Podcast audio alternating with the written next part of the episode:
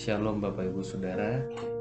Pada hari ini firman Tuhan dari Mika 4 ayat 10 Mika 4 ayat 10 Menggeliatlah dan mengaduhlah hai putri Sion Seperti perempuan yang melahirkan.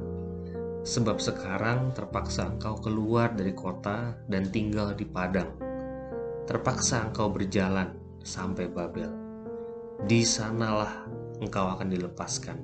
Di sanalah engkau akan ditebus oleh Tuhan dari tangan musuh. Saudara, saya mau garis bawahi, di Babel lah engkau akan dilepaskan.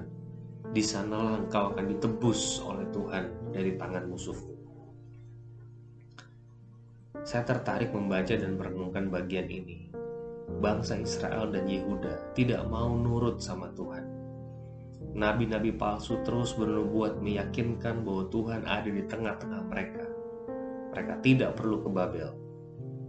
Namun Mika berkata bahwa di Babel lah mereka akan dilepaskan. Di Babel lah mereka akan ditebus dari tangan musuh. Ayat 12 mencatat tetapi mereka itu tidak mengetahui rancangan Tuhan. Mereka tidak mengerti keputusannya bahwa Ia akan menghimpunkan mereka seperti berkas gandum ke tempat pengirikan. Saya merefleksikan bahwa hukuman Tuhan adalah bagian dari anugerah Tuhan.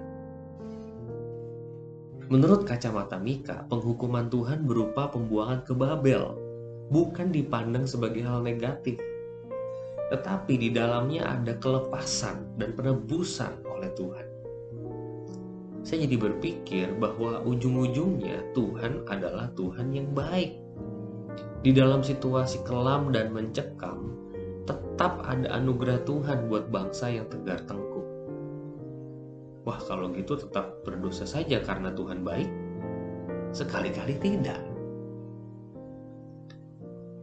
saya beralih sebentar ke kisah Rasul 24-25. Tetapi ketika Paulus berbicara tentang kebenaran, penguasaan diri, dan penghakiman yang akan datang, Felix menjadi sangat takut dan berkata, Cukuplah dahulu, dan pergilah sekarang. Apabila ada kesempatan baik, aku akan menyuruh memanggil engkau. Saya kembali diingatkan Old Wisdom, Roma 2 ayat keempat Maukah engkau menganggap sepi kekayaan kemurahannya? Tidakkah engkau tahu bahwa maksud dari semuanya ini ialah menuntut engkau ke dalam pertobatan? Sebagai manusia berdosa, kita layak dihukum. Kita layak mendapatkan kematian yang kekal. Kita layak mendapatkan penghukuman yang maksimal sebab kita membuat extraordinary sin, dosa yang luar biasa. Kita melawan Allah tapi Allah pada saat ini seperti mengingatkan saya bahwa dalam situasi penghukuman sekalipun dan di dalam khotbah yang paling menakutkan sekalipun buat Felix, anugerah Allah nyata buat orang-orang yang berdosa. Asalkan kita mau bertobat dan nurut sama dia. Anugerah Allah nyata buat bangsa Israel dan Yehuda anugerah Allah nyata buat Felix yang lagi ketakutan dengar khotbah. Saudara kalau saya jadi Felix, saya akan bertanya kepada Paulus, jadi saya harus apa? Saya harus melakukan apa? Seperti 3000 orang yang mendengar khotbah Petrus dan mengalami kebangunan rohani sehingga mereka semua hidup dalam pertobatan yang sejati. Mereka nanya sama Petrus, saya harus apa? Kita sedang berada di situasi yang amat mencekam. Pandemi COVID gelombang kedua sedang menerpa Indonesia. Apa yang bisa kita lakukan? Apakah Tuhan meninggalkan kita di dalam gelombang kedua ini? Saudara, refleksi saya tetaplah nurut sama Tuhan, tetaplah setia sama Tuhan, tetaplah peduli sama sesama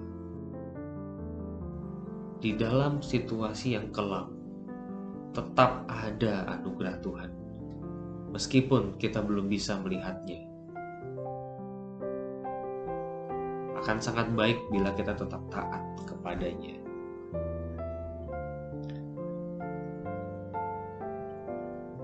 Kami tidak bisa melihat ya Tuhan,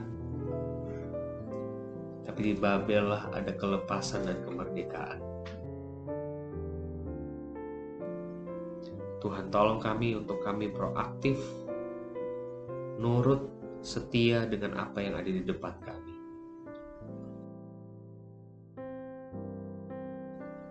Kalau hati kami gentar ya Tuhan terhadap firman, tolong kami untuk bertobat. Di dalam nama Yesus kami berdoa.